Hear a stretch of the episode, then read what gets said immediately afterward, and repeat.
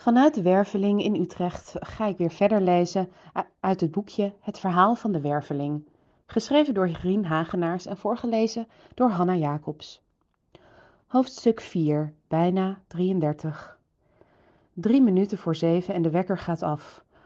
Mark zit op de rand van zijn bed en hoort blote voeten rennen door de gang. De kamerdeur zwaait open en in vol ridderornaat springt zijn zoon de kamer in. Papa, vandaag komen de draken, roept hij enthousiast. Sst, zegt Marijke tegen hem. Je bent een dag te vroeg. Papa is morgen jarig. Geamuseerd kijkt Mark naar zijn vrouw en zoon. Na een nacht van piekeren en strijden met de magie in zijn leven, realiseert hij zich dat zijn zoon meer magie ervaart dan hij zelf. Was ik nog maar zo klein, verlangt hij terug naar vroeger.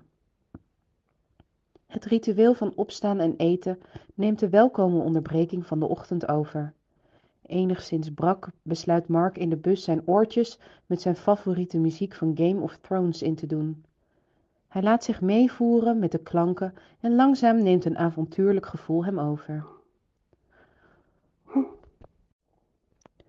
Hoe geweldig zou het zijn als ik vandaag kon zwerven door de bossen. De bus gaat over in de trein en hij loopt de stationstrap af naar beneden. Verbaasd kijkt hij naar het reclamebord.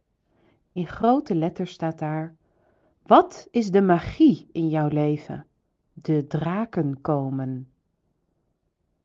Het vertrouwde refrein van Game of Thrones galmt over zijn koptelefoon en hij denkt: Yes, vandaag is de laatste dag van mijn oude leven. Morgen word ik 33, het getal van de magie. Hyper van enthousiasme loopt hij de marmeren ontvangsthal van het kasteel binnen. De altijd vreemde Mary van de receptie kijkt hem aan en grijnst. Wil je een chocoladekoekje? Hij stopt er een in zijn mond en schuift met zijn hete mok koffie achter zijn beeldscherm. Follow the White Rabbit staat er op de beker die hij van zijn, van zijn kinderen heeft gekregen. Hij drukt op de powerknop en is klaar om daar te lezen: Neo, we found you. Maar er gebeurt niets. Gewoon zijn, e zijn mailbox die opent met zeven nieuwe berichten. Vragen en nog meer vragen en een vraag om aanpassing van zijn conceptofferte. En voordat hij het doorheeft, is hij net als anders opgegaan in de gewone dingen van zijn werk.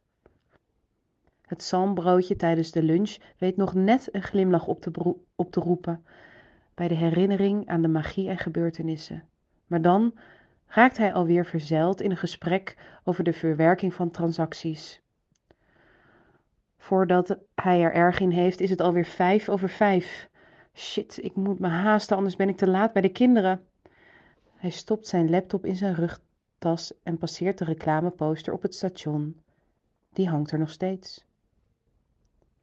De stationshal is groot en vol, wanneer hij er op dit moment zo snel mogelijk doorheen probeert te komen.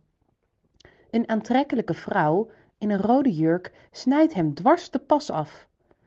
Haastig wil hij haar inhalen wanneer er een zwerver naast hem komt lopen. Hij herkent de zwerver die vraagt om kleingeld. Ongeduldig richt hij zijn blik naar een andere kant, maar daar komt nog een zwerver in zijn richting. En dan ook vanuit andere richtingen lijken er zwervers naar hem toe te komen en het beeld begint in een soort slow-mo te veranderen. Het zweet breekt hem uit en hij worstelt zich door de stroom van wandelaars in tegengestelde richting. Ondertussen wordt hij steeds verder ingesloten door de zwervers van Utrecht. En weer galmt de stem door de stationshal. Dit is een bericht voor de reiziger genaamd Mark. Wat is uw magie?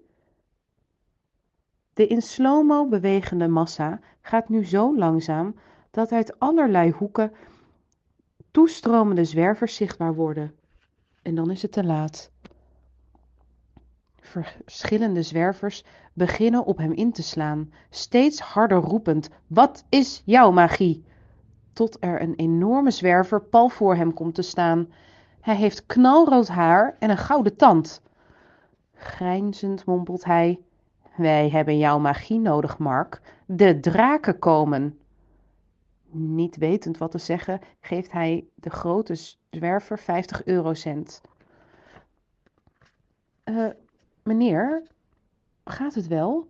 hoort hij een vrouw met een geel hesje vragen. En dan merkt Mark dat hij lang uit in de stationshal ligt, vlakbij de toiletten. Alles ziet er weer normaal uit. Hoe, hoe laat is het? Ik moet mijn kinderen van de BSO halen. Het is half zes, antwoordt ze hem. Vreemd, er lijkt geen tijd te zijn verstreken. Hij klimt weer overeind en verzekert de vrouw dat hij oké is. Zo snel als mogelijk loopt hij door Hoge Katerijnen, angstig om zwervers tegen te komen. Papa, heb je ze vandaag gezien? vraagt Chris hem direct bij de BSO. Verontrust vraagt Mark zijn zoon: Wie bedoel je? De draken natuurlijk. Heb je ze echt niet gezien? Het is een hele groep en hun leider is groot, rood en heeft gouden tanden.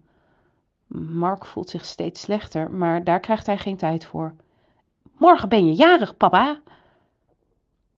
Ter gelegenheid van zijn privé-oudejaarsavond heeft zijn vrouw een feestmaal bereid. Een heerlijke ravioli met biefstuk en een grote bak groene sla. De naderende verjaardag van hun vader heeft de kinderen veranderd in één brok hypersone energie. Pff, zucht Marijke wanneer de kinderen in hun bed liggen. Wat een storm. Had je een leuke dag vandaag?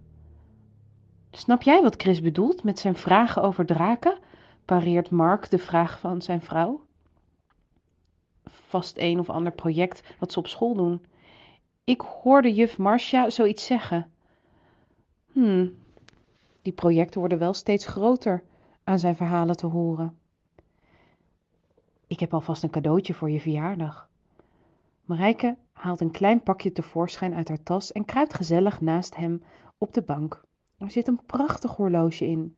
Verrast door dit mooie, onverwachte cadeau vergeet hij al zijn vreemde ervaringen. Die avond brengen ze gezellig samen met een glaasje rode wijn door op de bank. Volgende keer weer verder.